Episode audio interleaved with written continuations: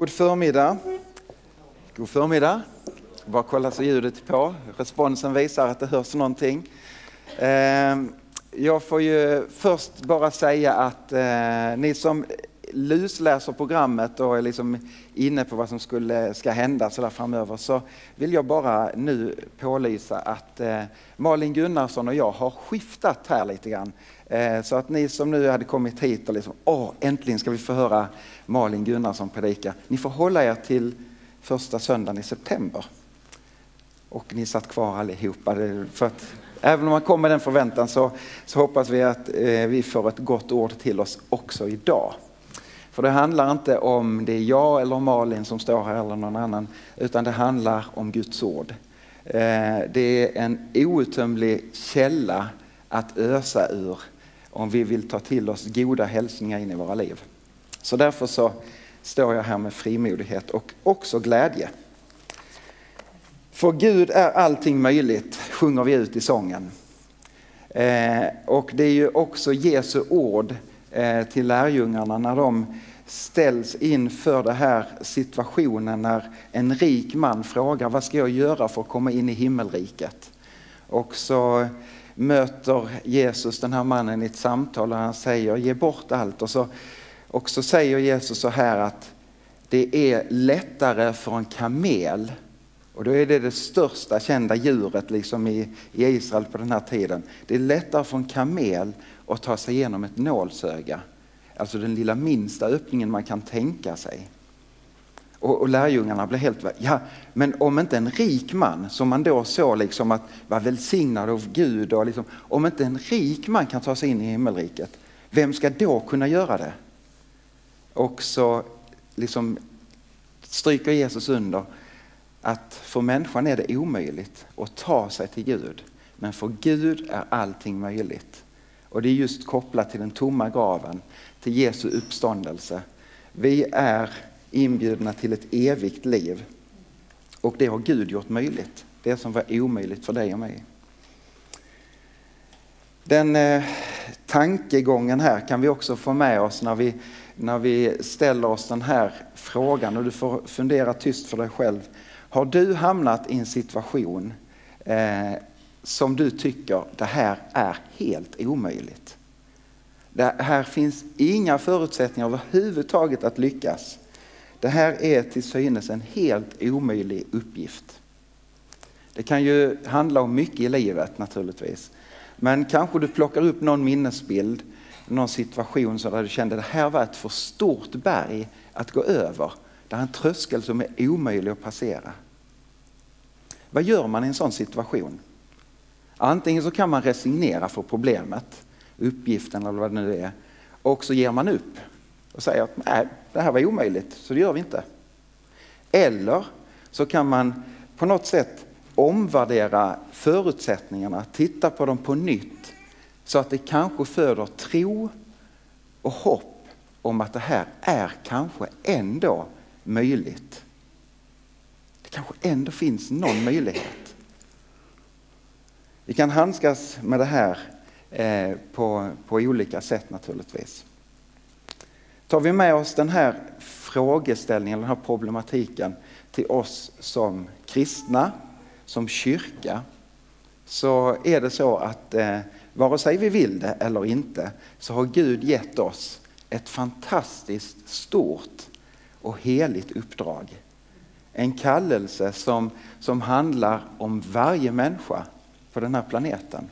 Som handlar om, precis som vi bad för innan, gatorna i Ängelholm alla som bor i den här stan.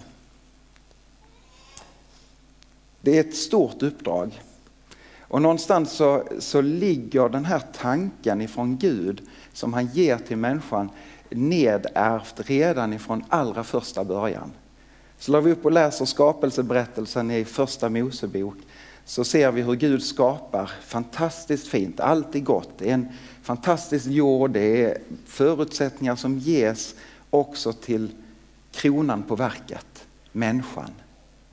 Som blev skapad till Guds avbild, till Guds likhet. Och så säger Gud till de första människorna, var fruktsamma, föröka er, uppfyll jorden och lägg den under er. Och så kommer han med hälsningen till, till mänskligheten. Vårda och bruka det som ni har fått som gåva. Föröka er och bli fler. Det här är en, på något sätt tänker jag en kallelse som går igen. Eh, lite senare i Israels historia så eh, råkar de i en situation där de blir bortförda i fångenskap av Babyloniens eh, stora härförare Nebukadnessar. Och eh, stora delar av folket fördes från Israel, från Jerusalem upp till Babylon och sattes i fångenskap där. Och man kan fundera på hur de upplevde sin situation. De längtar tillbaka hem med all säkerhet. Men hur ska vi ta oss ifrån den här situationen?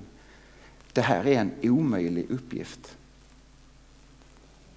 Men så kommer det en hälsning från en av profeterna som, eh, som var kvar i Jerusalem, profeten Jeremia. Han skriver ett brev till ledarna för dem som, som är i fångenskapen och vi kan läsa det bland annat i Jeremia 29. Ska vi se, där var det ju. Och där säger eh, Gud så här till folket, till Israels folk. Bygg er hus och bo i dem. Plantera trädgårdar och ät frukten från dem. Ta er hustrur och avla söner och döttrar. Ta hustrur åt era söner och ge era döttrar åt män så att de föder söner och döttrar. Bli flera där, inte färre. Gör allt för att den stad jag har deporterat er till ska blomstra och be till den, eller be till Herren för den. Ty dess välgång är också er välgång. De är inte liksom satta i den här situationen att bara liksom försöka övervintra utan Gud ger dem en kallelse just i den situationen. Bli fler, bli inte färre. Plantera och bygg och ha ett framtidshopp, liksom, ha ett fokus framåt. Och så säger han, sök den stads bästa dit jag har fört er i fångenskap. Och där är en nyckel i detta uppdraget. Be till Herren för den här staden. Be till Herren för det här riket. Och ibland så är det viktigt att påminna sig om att vi lever här. Vi har en kallelse och ett liv här. Men det är så lätt att vi slår ner våra bopålar här och tänker att detta är vårt hem. Men vi har en annan riktning. Lina Sandell uttrycker det i en, en kär psalm. Jag är en gäst och en främling. Och så talar, talar sången om att jag har ett annat hem hos Herren. Jag är på väg, vi är ett pilgrimsfolk, vi är gäster här. Inte på det sättet att vi är fångarna, liksom på det sättet som, som Israels folk, men där, där finns ändå likheter. Och här har vi en kallelse. Här lever vi våra liv. Här föds vi, här lever vi och det var ju detta Gud hade tänkt från början. Men det som har gått i kras gör att vi har ett annat hem att vänta oss. Och så är det som att, att Gud återigen, om och om igen genom historien kommer med den här hälsningen. Bli fler där, inte färre. Vi ska inte avskärma oss från den här världen och liksom säga att oh, jag är bara på väg dit och så, det här är farligt och så här. Eh, vi ska leva i världen, inte av den. Men det är också viktigt att påminna sig om att den här världen, det är liksom inte så här, oh det här är ont. Det här. Vad säger Jesus själv? Ty så älskade Gud världen att han utgav sin enda son för att var och en som tror på honom inte ska gå under utan ha evigt liv. Det är ett fokus där, där Gud älskar sin skapelse allt fort, så söndrig den än är, så älskar han av ett helt hjärta. Och han har sänt dig och mig att göra evangeliet känt i den här världen. Att leva ut hans kärlek, att vara hans utsträckta händer. Bli inte fler, eller bli fler, inte färre. Och så kommer Jesus med missionsbefallning. Gå ut och gör alla folk till lärjungar. Inte bara några stycken som tycker det här verkar lite intressant, utan alla folk. Gör alla folk till lärjungar. Lär dem mina bud. och så vidare. Hur ser vi på den situationen? Ja, det verkar rätt svårt va? Nästan lite så att åh, det här känns omöjligt. Hur i all sin dag ska vi lyckas att vinna hela Ängelholm? Är det någon som har en idé? Så är ni välkomna till styrelsen vilken dag som helst. Det här kan kännas helt omöjligt.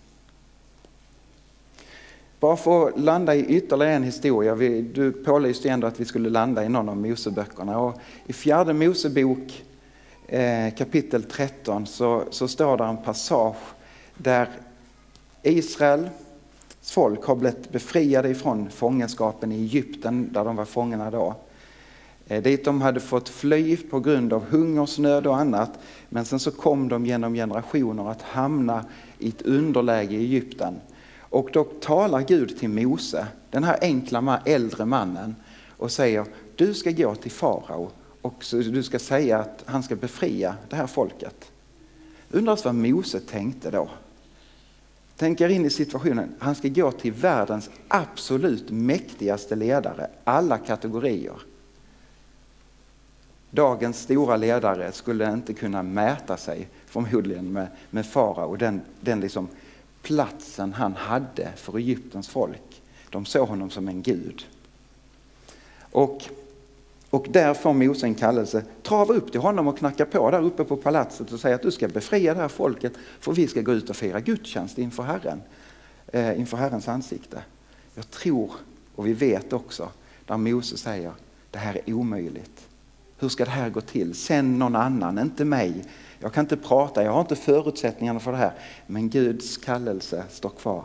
Du ska gå och befria det här folket. Och jag ska föra er till ett nytt land där ni ska få leva. Och så talar han om det förlovade landet. När vi kommer fram till, till eh, fjärde Mosebok 13 så har man gått genom öknen från Egypten upp mot Israels eh, land där och så ska de inta landet. Men Mose han sänder in tolv stycken spejare för att spana av hur är situationen i det här landet? Vad växer där?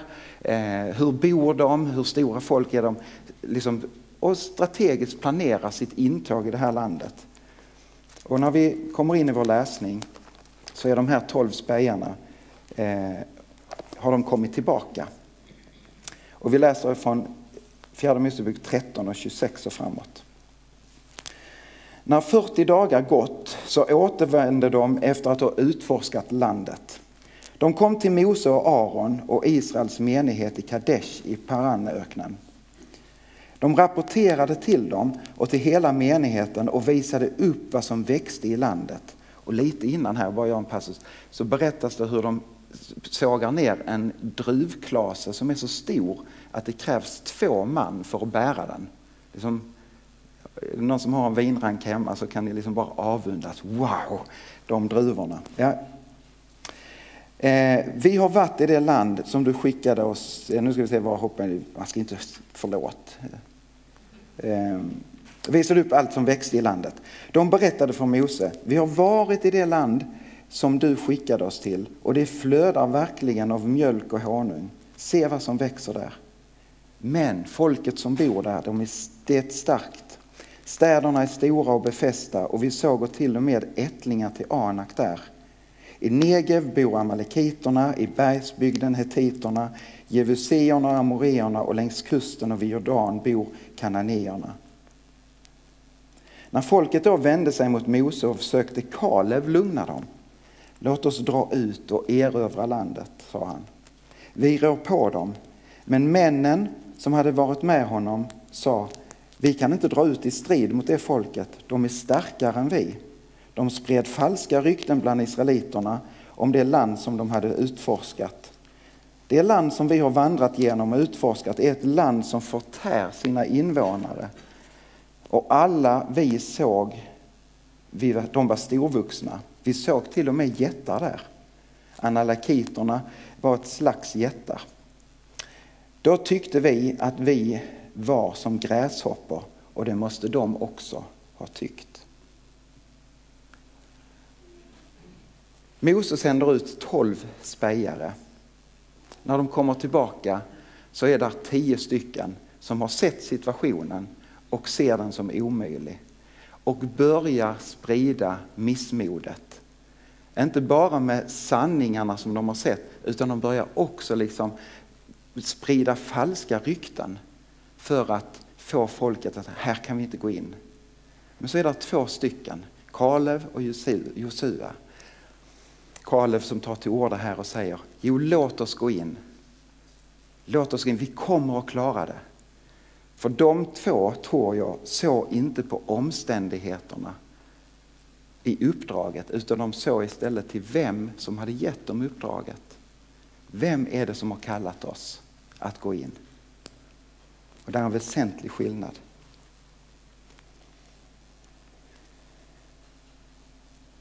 Hur ser situationen ut i vårt land? Hur ser situationen ut i det uppdraget som vi har som kristna och som kyrka? Om vi skulle ta, samla ihop de tolv mest andligt klarsyna personerna som vi liksom, och här är en som har riktigt bra fokus. Och så sänder vi ut dem. Spana av Ängelholm, spana av Sverige, spana av Europa eller världen. Hur ser situationen ut? Och så sitter vi här och väntar i kyrkan som vi ofta gör. Nej, men många gör det. Eh, vi vill väckelse och hoppas folk kommer till tro och så sitter vi här. Och så är människorna där. Ja, vi sänder ut några spejar som kommer tillbaka och berättar. Hur står det till ute i Ängelholm? Ja, det vet ni, men hur står det till? De har jättestora grillar. Och vet, de har jättestora dyra bilar. Och de verkar helt ointresserade av livets djupa frågor. Ja, kanske lite oroliga för, för att det är lite för varmt, men annars så, nej. De är jättestressade, har mycket att göra, trötta, eh, utarbetade och allt vad vi kan hitta på. Så att här finns inte möjlighet att tala evangelium. Det verkar vara kört i vårt land, kanske några säger. Men hoppas då att det skulle vara en åtminstone som stiger upp och säger, här vet ni vad, det är ju Gud som har gett den här befallningen. För honom som allt är möjligt för. Det är ju han som sänder oss. Skulle det då vara omöjligt? När jag läser om spejarna så kan jag bli orolig för mig själv. Att jag är en riktig gnällspik. Och liksom, ah, det, här, det här har vi försökt förr och detta nej då. Vi ska hitta så lagom medelväg och vi ska passa in och allt vad det kan vara. Och så behöver vi trons människor som säger Kom ihåg vem det är som har sänt kyrkan. Jag pratade med Manasse, vår vän nere i Kenya i veckan. Eh, och så delar vi lite hur läget är och det var ju intressant att för första gången säga att vi har kenyanskt väder. Eh, så, verkligen. Och så delade vi lite och så, så sa jag, jag, jag har tänkt mycket i sommar på hur är vi kyrka i Sverige idag? Hur ska, hur ska vi nå och väcka människor för, för vem Jesus är i vårt land? Så ler han så som kenyaner kan göra. Ja, det är Guds bekymmer, sa han. Det är ju han som har satt igång det här projektet. Så han har ansvar för det. Och det är tro i det. Just det. Vi behöver inte hitta på strategierna, och liksom, utan Gud har omsorg. Klart vi ska vara tänka och vara, vara förståndiga, absolut. Men vi behöver ibland en viss form av naivitet och bara ett barns tilltro till Gud.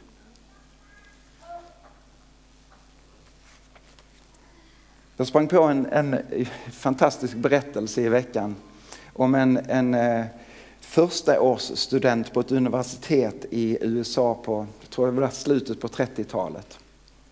Den här studenten han var duktig, han läste matematik och systematik, eh, svåra ämnen. Han var i slutet på första året, den här George, han var, han var bekymrad för att han inte skulle klara av sina studier.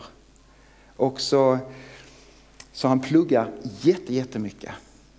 En morgon så vaknar han sovandes över sina böcker liksom så och bara tittar och ser, nej, jag har försovit mig.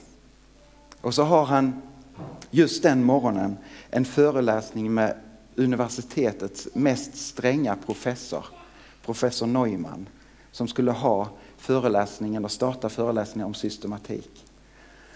Och han springer över campusen, stormar in i föreläsningssalen och så ser han och får möta den här professorns blick och inser att det här är alldeles i slutet på föreläsningen. Och han glider in och sätter sig på bänken eller i någon stol där, sjunker ner och så avslutar professorn föreläsningen och han känner bara hur ska jag kunna vinna tillbaka hans förtroende så att jag får godkänt på den här kursen. Och så tänker han, ja, jag skriver upp hemuppgiften. Där stod två tal på tavlan. Så han skrev upp dem, tog dem med sig hem och så satte han sig och arbetade med dem. Och så, så sitter han där och han beskriver sen att de, de var rätt kluriga de eh, talen, sa han. Eh, det tog några dagar för honom att lösa dem. Men så småningom så hade han löst dem, lämnade in sina papper och hoppades att, oh, hoppas det här landar väl. Fyra, fem, sex veckor senare, en söndag morgon, så knackade det på George Danzigs dörr. Dunk, dunk, dunk, dunk, dunk. Han går och öppnar lite yrvaket. Också utanför står professor Neumann och bara säger George, fattar du vad du har gjort? Vadå? Den föreläsningen som jag höll som du missade, den handlade om matematikens begränsningar. De talen som stod på tavlan, det var inte någon hemuppgift utan det var två exempel av världens mest kända omöjliga tal att lösa. Och du har löst dem.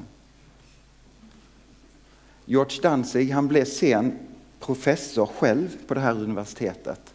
Han vann, eh, eller vann, man vinner väl inte det, man vinner förtroendet, men han fick av president Truman 1975 Medal eh, Honor, eh, eller någon sån här i science, vetenskapsmedalj sa. Högt, högt rankad, mycket, mycket skärpt kille. Och han fick frågan många gånger, hur löste du de där talen som var omöjliga? Så sa det här är så kärt på något sätt. Jag var inte där när han sa att det var omöjligt. Tänk om vi som kyrka skulle ha det fokuset. Jag var inte där när de sa att det är ointressant för evangeliet i Ängelholm. Jag var inte där när de sa att missionsbefallningen, visst är en kallelse, men gäller den alla på riktigt? Tänk om vi skulle hålla fast vid, vid tron att Gud har en god tanke också för vår tid. Tillsammans med den naiviteten så måste vi ställa oss frågan, hur är vi kyrka idag? Hur når vi fram på bästa sätt? Vi måste använda också vårt förstånd, men vi måste också ha tilltron till vem det är som sänder oss. Ibland så kan jag bli orolig för vår tid. Om man, vi satt och pratade med barnen igår hemma och så bara sa att när, när, innan ni fanns så kunde jag i alla fall, och vi kunde vara många som tänkte så, vad är det för värld vi sätter barn till om vi skulle få nåden att få barn? Men nu börjar de bli vuxna och vi lever allt fort. Men följdfrågan kommer hos dem. Ja, om vi får barn, vad är det för värld som, som kommer våra barn får växa upp i? Jag blir orolig när det är mitt i vår välstånd och hur bra vi än har det, att det ändå är en värld som kallnar på så många olika sätt. Jag blir jätteorolig när några få överlevare från andra världskriget säger, som fick överleva förintelsen och komma till Sverige, landa i det här landet och säga, det har varit mitt hem under nästan hela mitt liv. Men nu är frågan om jag kan leva kvar här. För de tongångarna som var i Tyskland på 30-talet, de är här nu. Det är riktigt, riktigt illa.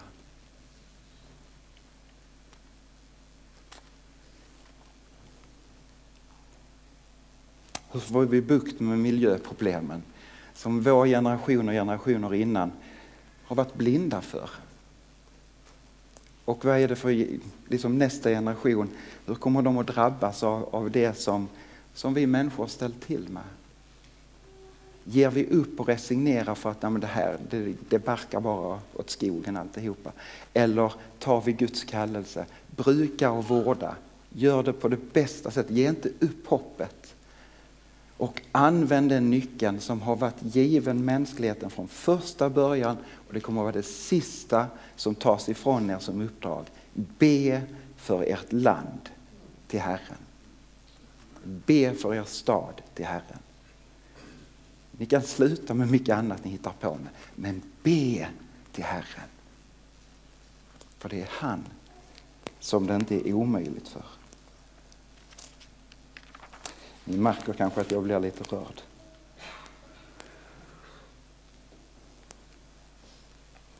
Bön förändrar.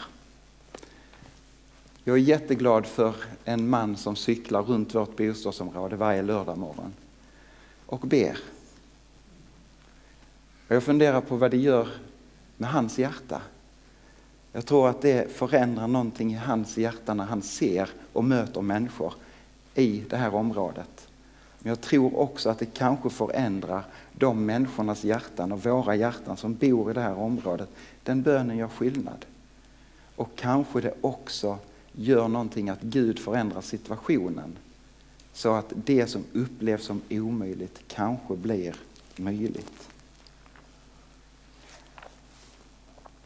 Herren säger fortsatt till, folket i Babylon via profeten Jeremia. Bara för att avsluta med de orden. Och, och, det här vill jag bara ha tilltro till Guds ord, att det här kan vi också gripa tag om över vår tid just nu.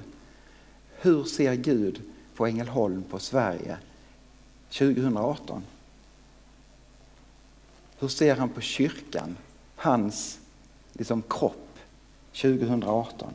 Så säger han så här. Jag vet vilka avsikter jag har med er, säger Herren. Välgång och inte olycka jag ska ge er en framtid och ett hopp. När ni åkallar mig och ber till mig så ska jag lyssna på er. När ni söker mig ska ni finna mig. Ja, om ni helhjärtat söker efter mig så ska jag låta er finna mig, säger Herren.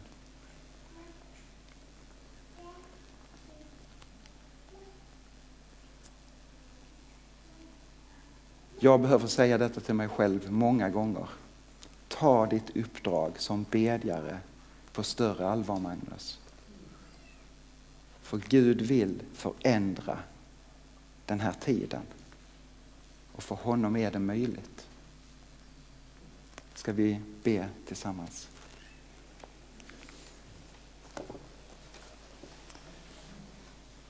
Vi tackar dig Herre för att du är den som har all makt i himlen. Vi tackar för dina ord till lärjungarna innan din himmelsfärd. Åt mig har getts all makt i himlen och på jorden. Och jag ska vara med er alla dagar till tidens slut. Vi griper tag om, om, om ditt löfte, Gud. Och ber om din nåd och din vilja och din handling i våra liv, i vår församling, i vår stad, i vårt land. Vi ber om en en väckelse som får, får väcka gammal som ung. För oss som är bekännande till dig Herre, men också de som, som är där i väntan på sin bekännelse till dig Herre. Ske din vilja och låt ditt rike komma. I Jesu namn. Amen.